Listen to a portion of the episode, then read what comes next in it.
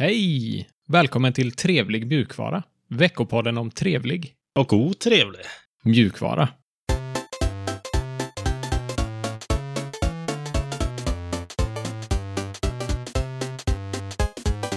Mitt namn är Sebastian och med mig har jag som vanligt Alexander.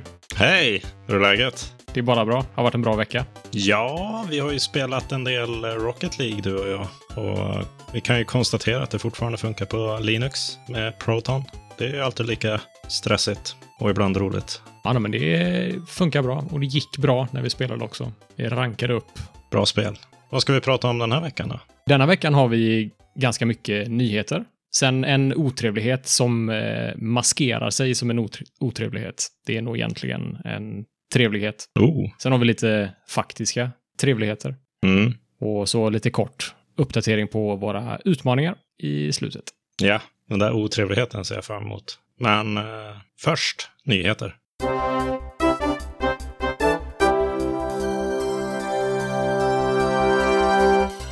Nextcloud 19. Lenovo Linux-certifierar sina arbetsdatorer. Podcast Addict äntligen tillbaka och SpaceX med Linux i rymden. Spännande. Nextcloud 19 börjar vi med. Ja, Är det en ny version av Nextcloud? ja, det är den 19 som man kanske kan gissa sig fram till. Just det. En dag efter fyraårsdagen så släppte de den versionen. Releasen heter eh, Home Office och det eh, hänger ju lite ihop med den här covid-19 som allt annat gör nu för tiden. Chefen Frank Karliczek säger att covid-19 har accelererat en redan tydlig trend mot säkrare distansarbete. Så han går in på vikten med eh, att ha säkra lösningar som fungerar på distans. Därav fick Nextclouds nya release då namnet Home Office. Ja, okej. Ligger ju rätt i tiden, kanske. Det är nog många som har, eh, många företag som har insett att verktygen de använder för distansarbete måste vara ordentliga och funka som de ska. Vad skulle du säga att Nextcloud är för någonting egentligen? En samling av verktyg som lever i molnet. Som kan underlätta delning framför allt. Mm. Det är väl min uppfattning av Nextcloud. Ja, det stämmer ganska bra. Det är väl en konkurrent som är open source. En konkurrent till Dropbox och eh, Google Drive Mm. på filsidan. Och sen så finns det ju videokonferens och chatt och lite sånt också som är, konkurrerar med eh, andra liknande lösningar som Zoom och Google Meet, som det heter nu för tiden. Ja, just det. Ja, de konkurrerar ju med många Google-produkter. Så här är de ju inbäddade i någon slags svit istället då i Nextcloud. Men alla features som Nextcloud har finns det ju också Google-motsvarigheter till. Just det. Vad jag kan komma på. Trevligt om de kan ta lite marknadsandelar från Google. Lite nya features i den här eh, nya releasen är ju ganska fokuserad på lösenord när det kommer till kärndelarna i produkten. Så det är lösenordslös autentisering via WebAuth, Mm. som det kallas, som är någon slags ny eh, W3C-standard som dels stödjer den här Windows Hello-inloggningen och många hårdvarunycklar, till exempel den här NitroKey och YubiKey. Sen finns det lite nya inställningar för automatisk utloggning, restriktioner på hur lösenord får återanvändas, automatisk kontolåsning vid misslyckad inloggning och så finns möjligheten också att sätta något bäst före-datum på lösenord så att de löper ut efter en tid. Ah. Men den där sista punkten är jag inte vän med, om jag ska vara ärlig. Vi har väl alla, eller jag vet inte om alla har gjort det, men jag har jobbat på företag som har haft den policyn. Och det slutar med att IT-avdelningen får fruktansvärt mycket support på lösenord som har glömts bort. Ja, och glöms de inte bort så sätter man något väldigt förutsägbart lösenord istället. Precis. Man ökar på en siffra eller något. Ja. ja jag tror att det är lite falsk eh, säkerhet man känner. Nej, eh, bara för att man byter lösenord så betyder det inte att lösenordet är bra eller dåligt. Ja, vi får komma tillbaka till den här punkten för det är ju andra som tycker annorlunda på nätet. Mm. Spännande. Sen har det ju kommit en ny version av den här Talk, som är deras chatt och webbkonferens, videokonferenslösning som är inbyggd i Nextcloud. Just det. Så det är bättre skalning på kvaliteten utifrån klienternas prestanda och nätverk och möjlighet att redigera dokument eller presentationer live i, i webbkonferensen eller chattrummet. Det är ju Mhm. något som jag inte har sett att man kan riktigt göra i Google Meet på det sättet. Då får man ju öppna en ny tab med samma dokument. Sen har de bakat in den här Collabora Online-sviten som är Office-paketet för webben typ.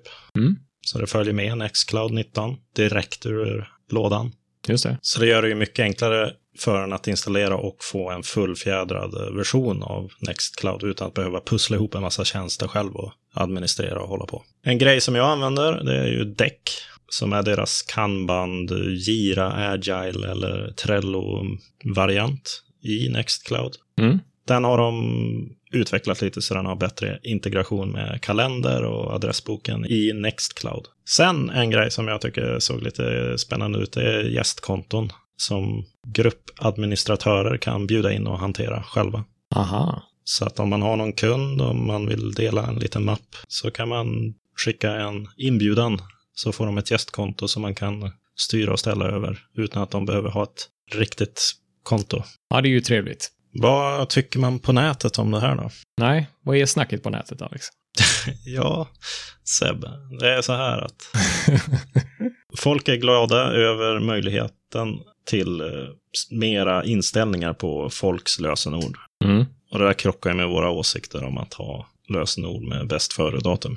Alltså min åsikt är väl inte att alternativet inte ska finnas, utan att jag tycker att det kanske är lite dumt att klicka i. Ja, men uppenbarligen finns det ju de som är för den möjligheten i alla fall. Och det är bra att alternativet finns. Annat som tas upp på nätet är att man eh, alltid ska vänta till releasen efter första releasen av en större version innan man uppgraderar en befintlig installation. Mhm. Så det är ju värt att nämna kanske. Ja, det är en lite filosofisk fråga nästan. Hur eh, säker vill du känna dig? Vad gör man om man vill ha en Nextcloud? Om du vill tipsa ditt företag om Nextcloud. Eller om du vill ha en privat, för den delen. Man kan välja att köpa tjänsten så att någon annan driftar åt den.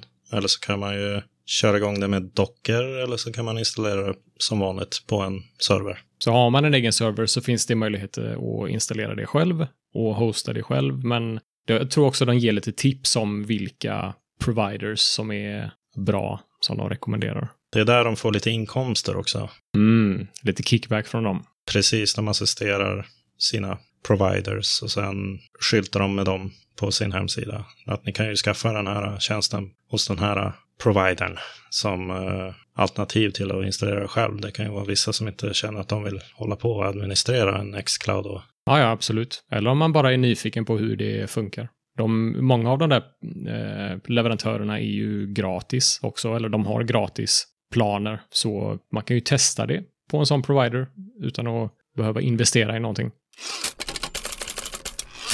Lenovo Linux-certifierar sina arbetsdatorer. Oj, vad trevligt. Ja, Vi har ju snackat en del om eh, olika PC-leverantörer som bakar in Linux i datorerna. Och Lenovo har ju gjort detta på utvalda produkter tidigare, va? Ja, det gör de ju fortfarande. Men det har ju breddats. Vi har ju pratat om det här eh, tidigare med eh, Fedora som eh, gick ihop med Lenovo för att ta fram lite datorer som hade Fedora förinstallerat. Mm. Men nu verkar det som att de har gått ihop med Red Hat och Ubuntu, eller Cano- Canonical. I pressreleasen så pratar Lenovo om att Linux vuxit och att eh, trenden är tydlig. Och det är Rob Herman, direktör för Workstation and Client AI Group, som skriver något som tidigare sågs som en nischad användarbas. Den här användarbasen inom datavetenskap, utvecklare, applikationsingenjörer, vetenskapsmän och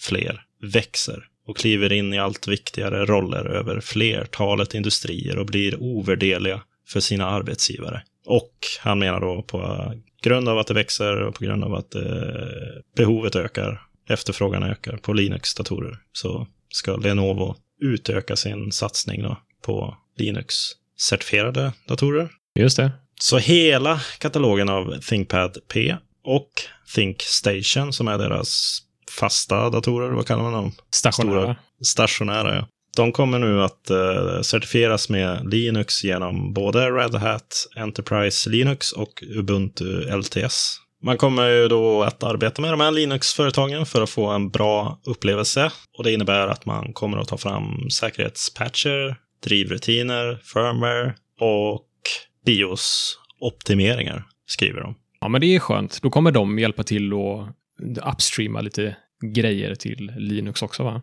Mm, mm, det skriver de. Snyggt. Så man kommer ju då att börja erbjuda Ubuntu LTS och Red Hat Enterprise Linux.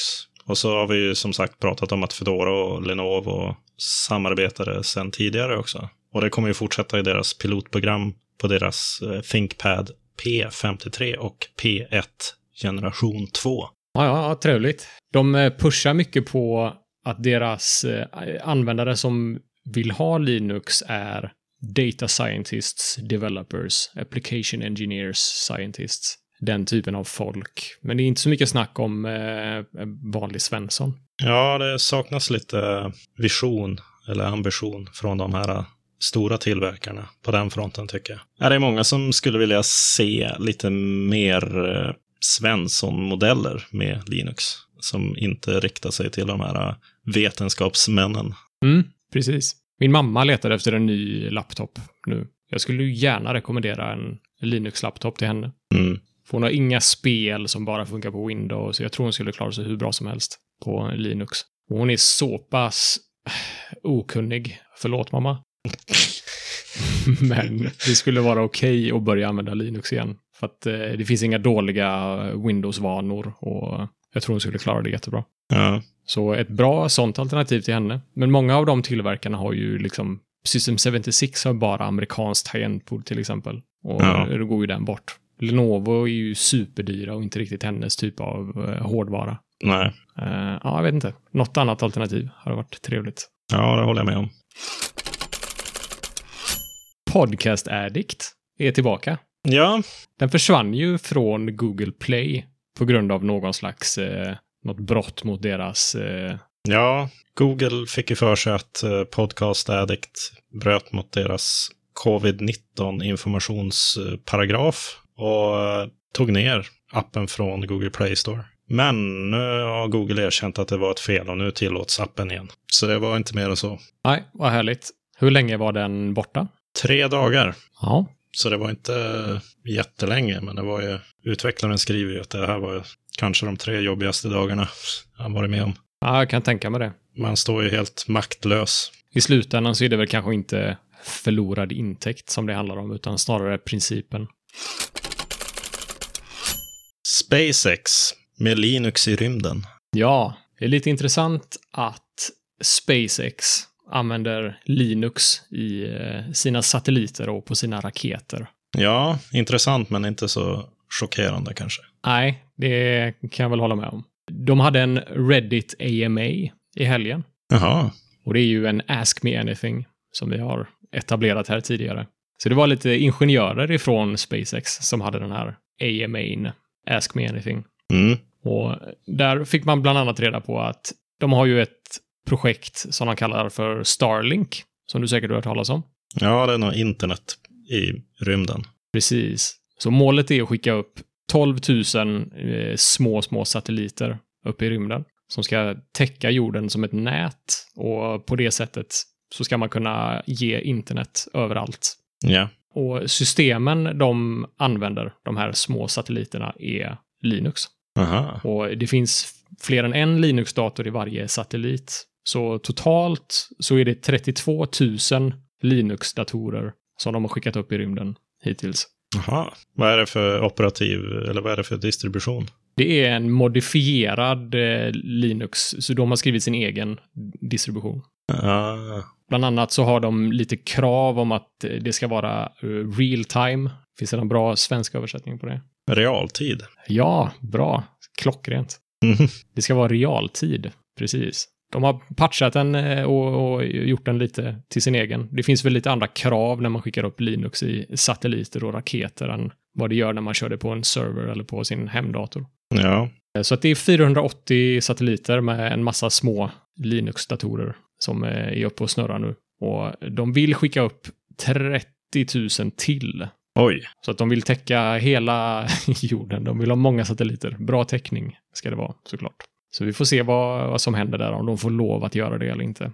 Ja. Även den här Dragon-raketen som de har. Nu häromdagen så skickade de ju upp två astronauter till eh, International Space Station. Ja, just det. Styrsystemen i den här Dragon-raketen bygger också på Linux och koden är skriven i C++. Mm. UI för astronauterna. Jag vet inte, om man har kollat på de där videorna så ser man att de har stora, stora touchscreens framför sig. Jo, eh, väldigt rent runt omkring. Precis, påminner lite om eh, Tesla-bilarna, eller hur? Ja, just det. Så att klassiskt på Space Shuttle till exempel, eller på de äldre varianterna så har man eh, liksom rattar och knappar och eh, hårdvarureglage istället. Ja, Men eh, nu lever ju vi på 2000-talet, så nu är det ju touchscreens som är det nya coola såklart. just det. Så SpaceX har byggt de här touchscreensen med JavaScript Jaha. som körs på Chromium, Ah, som ju är en webbläsare som vi snackade lite om i förra avsnittet. ja. Och det är något slags eh, hemmabyggt reaktivt eh, ramverk som de kör. Så någonting i stil med React eller Vue eller den typen av ramverk. Ja, Fast eh, de har hackat ihop det själva, helt enkelt. Det frågades också om de använder någon open source i eh, sina raketer och i sina satelliter. Och de svarade att de använder en del open source-bibliotek, bland annat den här C++-biblioteket, standardbiblioteket för C++. Eh, Men i övrigt så brukar de vara ganska restriktiva med att använda open source-bibliotek om de inte håller extremt hög kvalitet. Så eh, i fallen där kvaliteten inte är extremt hög så bygger de gärna sina egna bibliotek och verktyg. Ja, det här tyckte jag var spännande och trevligt, men eh, vad har kungen att säga om det? Vi vänder på ett blad, ungefär som ni gör i era tidningar. Och eh, ser framåt istället, för det här är något som har, ja, jag har förstått enligt boken och de information jag har fått, lång tid, lång tid tillbaka i tiden. Så kan det vara ibland i älskogen, minsann. Otrevligheter. Linux suger 2020. Vad är det här för otrevligt du har lagt in? det titeln är ju Linux Sucks 2020. Ja, men nu är det ju en svensk podd. Ja, det har du rätt i. Ja, vad, är, vad är det som suger med Linux 2020? Nej, det är ju det som eh, utforskas här i denna föreläsningen, kan man väl kalla det. Mm. Jag har sett länken. Du eh, har hittat den här på library.tv. Eller hur uttalar man det där? lbry.tv. Ja, just det. Det är alternativet till YouTube. Ah, Så den finns på YouTube också. Men jag Just tänkte det. att det var trevligare att lämna länken till Library. mm, just det. Det är den här killen Brian Lunduk. Känner du till honom? Ja, han är lite kontroversiell i sina uttalanden om saker och ting. Ja. Det är sällan han, han, han verkar drivas av att säga kontroversiella saker. Ja, han gillar uppmärksamhet, kanske. Ja, Han är ju en eh, Linux-förespråkare och han jobbar mycket med Linux. Så eh, det, han tycker ju inte på något sätt att Linux är det sämsta som finns i hela världen. Men varje år, med några undantag, så har han en sån här presentation som han kallar för Linux Sucks. just det. Där tar han upp hur han själv ser på Linux i det stora hela. Och framförallt inriktat på saker som inte är bra med Linux. Alltså saker som suger. Ja. ja, jag minns att jag tittade på några av hans sådana där videos när de kom upp 2016 och 2014 kanske. Ja, för länge sedan. Långt innan jag kom in på det här. Han är ju ett nytt namn för mig, men han verkar ju vara känd i den här världen. Det är som ett litet annorlunda universum vi lever i. Ja, det är, så är det. Precis. Man blir introducerad till de här karaktärerna Ja. så, så smått. Men är, han verkar vara en rolig presentatör och eh, han är bra på att snacka så att det är underhållande att lyssna på. Sen behöver man inte hålla med om allt han säger såklart, men det är ändå lite fräscht att få den här vyn på Linux snarare än att man bara hör hur bra det är hela tiden och inte så mycket fokus på vad som faktiskt är dåligt i Linux just i Ja. Linux-kretsar. Snackar du med Windows-fanboys så är det ju väldigt mycket fokus på vad som är dåligt i Linux. Men ja, självkritik är väl alltid en eh, nyttig grej, tycker jag. Det var lite det jag tyckte om med hans videos. Förr i alla fall. Jag har inte sett den här. Att det var så rått attackerande mot Linux. Mm. Samtidigt som det var lite roligt. Och så fick man något slags, en liten ljusglimt i slutet. Ja, just det. Var det det upplägget han hade i den här videon också? Eller? Jag har inte sett hela videon. Eh, jag håller på att titta på den. Jag tänkte att eh, det är en så pass fräsch nyhet så jag slänger med det här i podden också. Så min eh, slutgiltiga bedömning kan jag inte ge än. Nej, det, men det är första otrevligheten som vi tipsar om då, helt enkelt. Ja, precis. Det kan man säga. Det är väl inte egentligen strikt en otrevlighet. Nej, det är nästan en trevlighet. Det är nästan en trevlighet. En trevlig otrevlighet. Ja, men nu har vi ju fyllt ut det här segmentet med någonting, så det är, ja. det är skönt. Ja, han, han eh, börjar i eh, årets upplaga av Linux Sucks att snacka om att Linux har vunnit eh, server-racet. Så att de allra flesta servrarna som körs runt om i världen körs på Linux. Just det. Och Linux har även vunnit mobiloperativsystem-racet med Android. Mm. Han säger även att det är en, en tom vinst på något sätt. För att Android eh, har väldigt lite Linux i sig för att vara Linux. Det skiljer sig så pass mycket eh, och det är en massa DRM och closed source i eh, Android. Ja. Något av en tom seger, som sagt. Där. ja. Så det han eh, fokuserar på i årets upplaga är alltså desktop Linux och problemen som finns där i. Ja, vi har inte kommit till året för Linux eh, desktop än. Är det några mera eh, kontroversiella grejer han tar upp då? Han pratar väldigt mycket om att bakåtkompatibiliteten är dålig Jaha, i Linux. har något exempel på det? Ja, han har några spel som han kunde spela på Linux för eh, ett antal år sedan som är i princip omöjligt att få att fungera idag. Jaha, okej. Och han nämner också att utvecklingen av Linux är väldigt spretig. Så det finns ingen eh, enda person som sitter längst upp och bestämmer allting. Nej, allting drivs ju av eh, pengaintressen nästan. Så det, han menar på att den bästa mjukvaran utvecklas när det finns en person som sitter och pekar och bestämmer i toppen. Aha. Snarare än att alla ska få dra åt det hållet de vill och så blir det ingen enhetlig syn på någonting. Så det skulle man väl kunna säga är lite kontroversiellt. Mm, Ja, jag håller inte riktigt med om det där. Det, jag kan tycka att det ligger någonting i det. Ja, det beror ju på skalan av det man håller på med. Ja, precis. Men ett operativsystem då, till exempel? Det är ganska stor skala på det. Om det ska fungera på alla datorer, mobiler och satelliter. Ja, precis. Men det kanske inte måste göra det. Jag vet inte. Ja, jag förstår inte riktigt.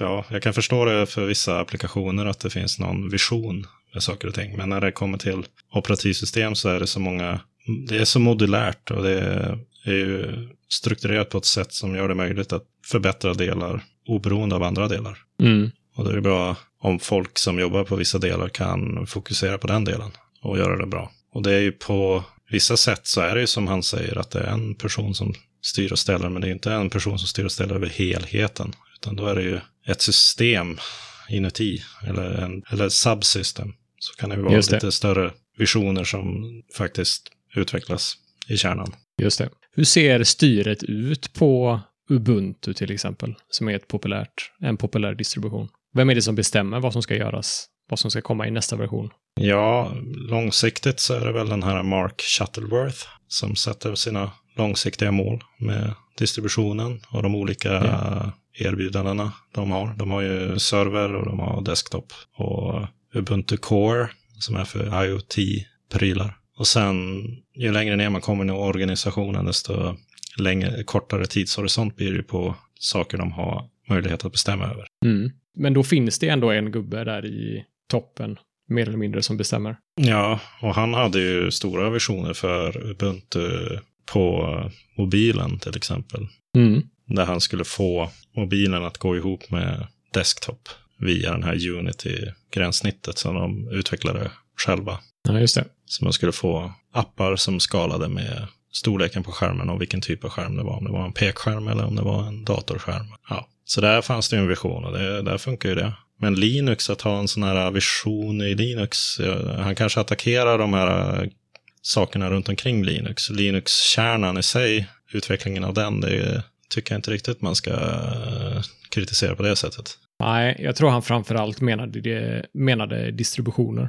Ja, Så att det som användaren faktiskt interagerar med och ser. Så kanske lite längre ut i lökens lager. Ja. Nej, som sagt, jag har inte sett färdigt på den här videon, så jag ska inte döma hans, eh, jag ska inte lägga ord i hans mun. Ja, ja, jag blir lite sugen. Jag får ta och titta på det där. Och Ja, det koka i tycker stolen. du ska, det är ju min, eh, min halvfärdiga representation av det han säger som du börjar koka över nu. Ja, det är det som är otrevligheten. Ja. Här kommer man, försöker, försöker ta med sig något spännande. Ja, men det blir spännande. Det är lite intressant. Det ska vi ta och nysta i. Ja, men det får vi göra. Ja, Absolut. bra tips. Så kanske vi ska gå över till några officiellt riktiga trevligheter. Det tycker jag.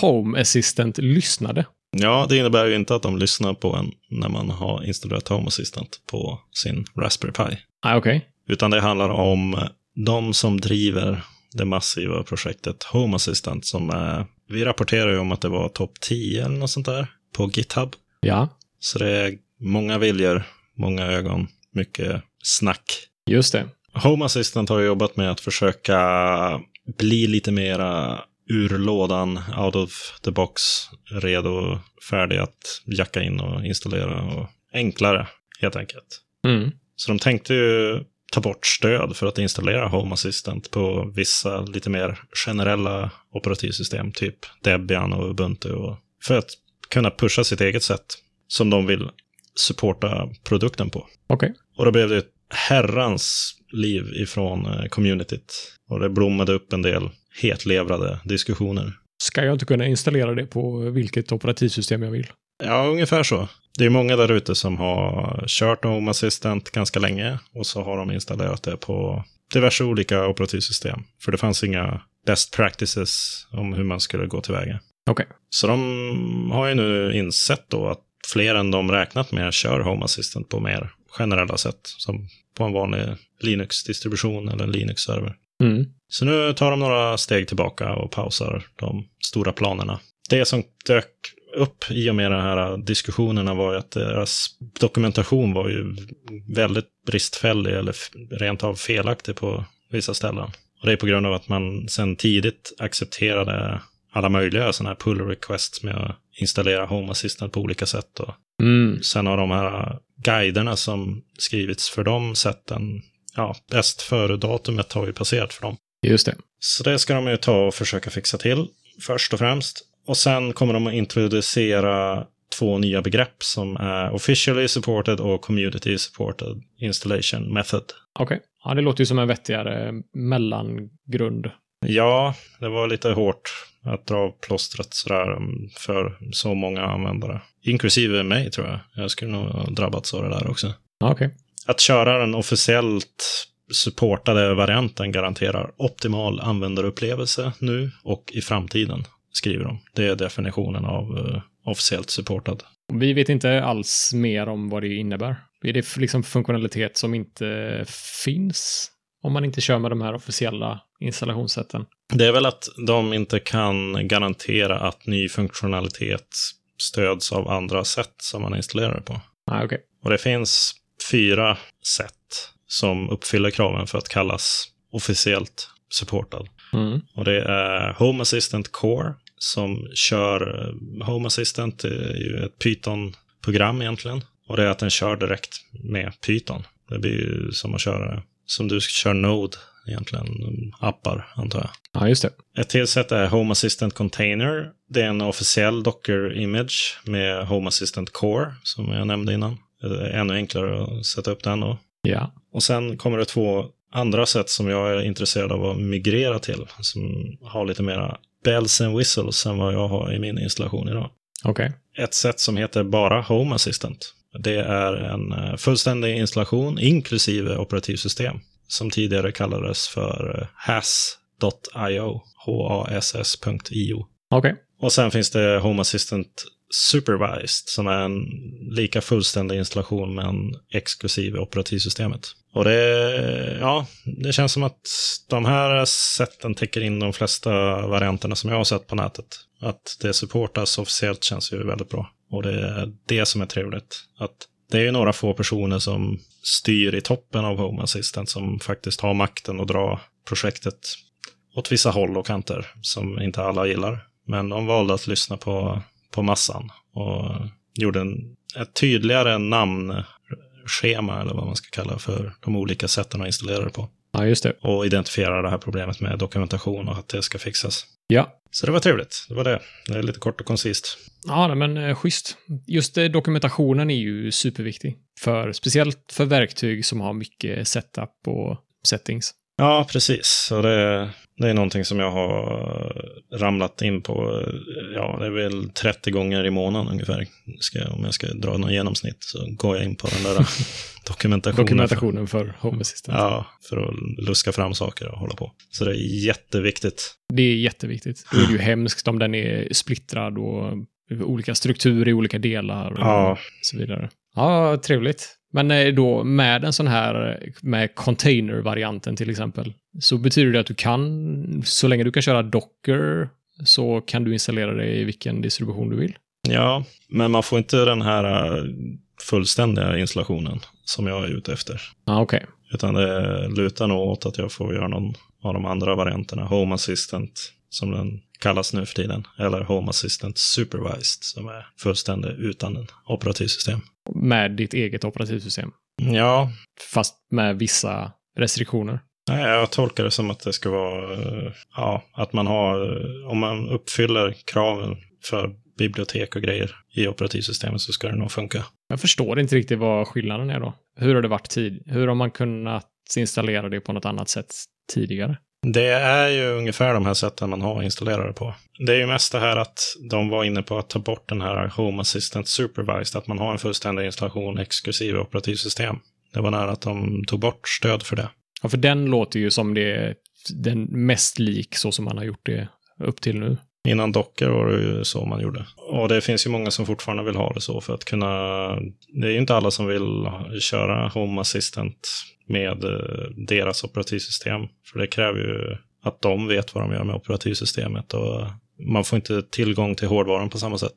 Nej, det kräver ju också att du har en dedikerad maskin för Home Assistant. Ja, precis. Och vad händer om jag vill installera Pi-hole på samma burk?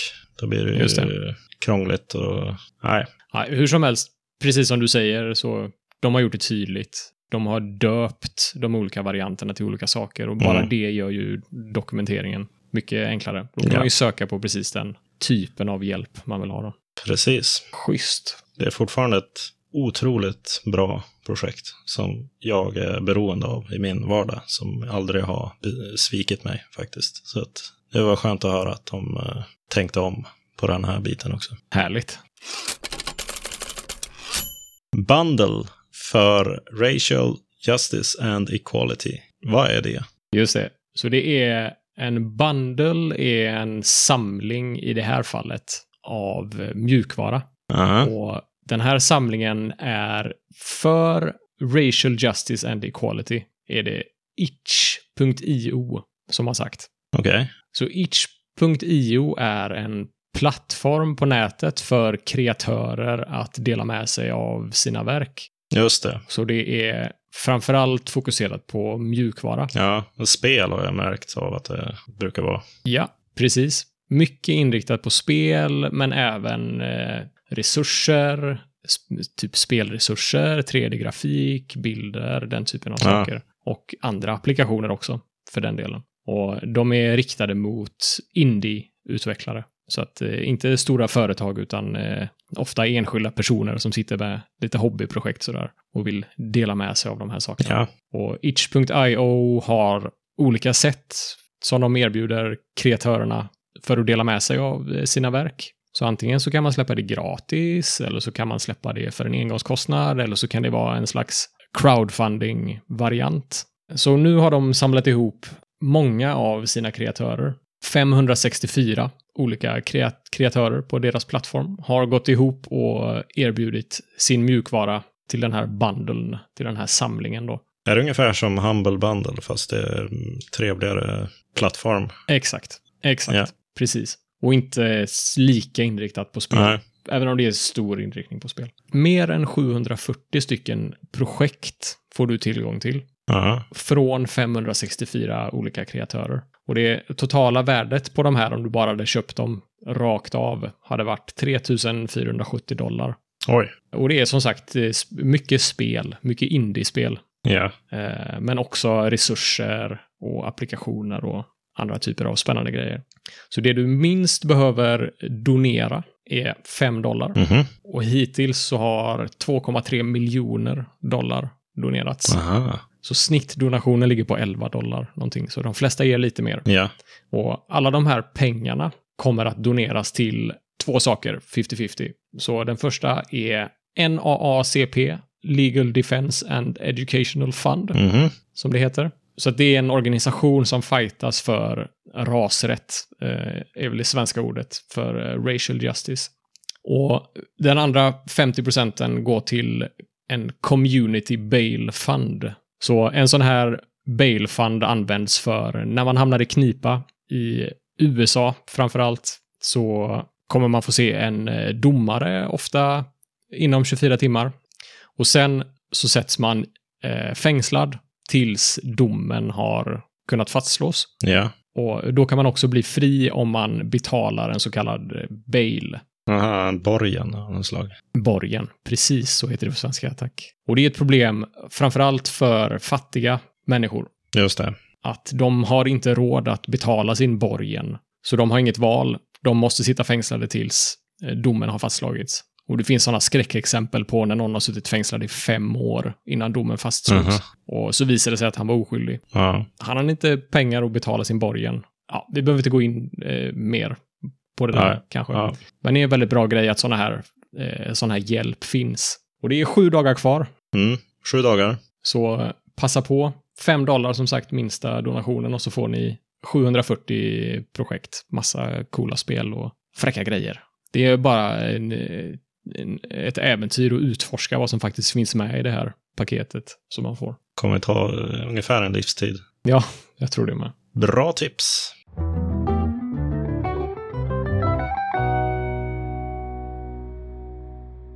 Dags att uppdatera lite kort om våra utmaningar. Ja. Ska vi som vanligt börja med din Pinephone, Alex? Ja, det är inte så mycket nytt där. Inget nytt. Inte ett nytt på Pinephone-fronten. Nej, precis. Det är lite, lite tyst där. Uh, ska försöka fixa den där multi-boot selection, uh, vad man nu kallar det.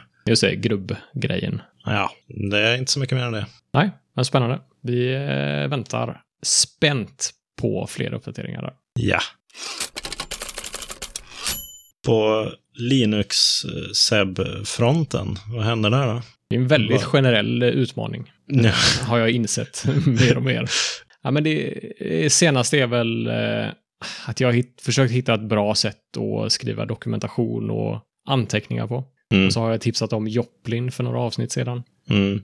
Och nu har du hoppat ifrån det. Nu har jag hoppat ifrån det lite grann för att det passar inte riktigt in med eh, det ekosystemet som jag hade i åtanke. Jag vill kunna publicera mina anteckningar på nätet och eh, då är Joplin inte det optimala. Så att eh, jag har tittat lite på någonting som heter Vim Wiki, mm. som är ett wiki-plugin till Vim. Ja. Och det spottar ur sig markdown-filer som är mycket lättare att eh, synka och publicera. Ja. Så det är nog eh, det nya coola som jag sitter med. Och Vim är ju vår gemensamma utmaning, eller har varit.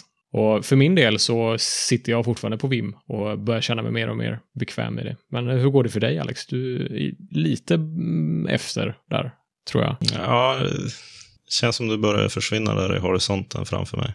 Men du har slutat använda Vim nu då till vardags? Mm, nej, det har jag inte. Jag kör Vim överallt. Och om ja, jag hamnar okay. i något uh, inmatningsläge som inte kör Vim tangenter, eller vad man kallar det, så känns allting jättekonstigt. Och så stänger jag ner det. Med kolon Q och så funkar inte det? Nej, det blir katastrof alltihop. Ja. Nej, men det, jag ska försöka fixa det här riktiga Vim som vi har pratat om. Mm. Det, det är steget jag är på. Och vi ska få till det här med att vi kan eh, köra live-editing bredvid varandra där på något sätt.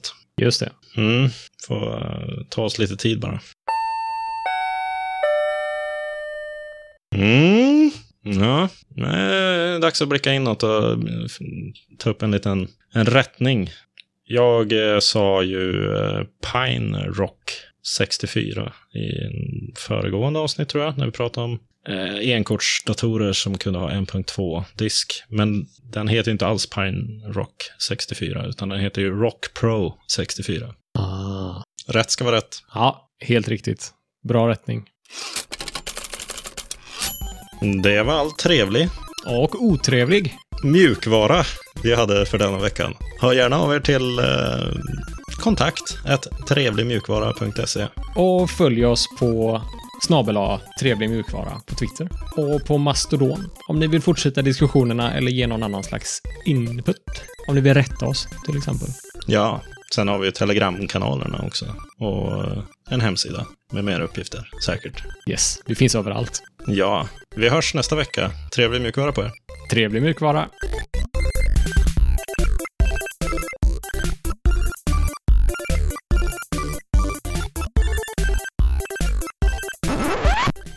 Lenovo pratar om att i det här... Men gud, hur har jag formulerat mig i det här egentligen? I pre... Sorry. Där hade du det. Jag kände det. Nu är du borta igen. patcher till drivrutiner, firmware och BIOS uppdater... Opta, BIOS-optimeringar. Jag bara ser framför mig hur den kommer vara svår att klippa. Ska jag dra om den där? ja, Okej.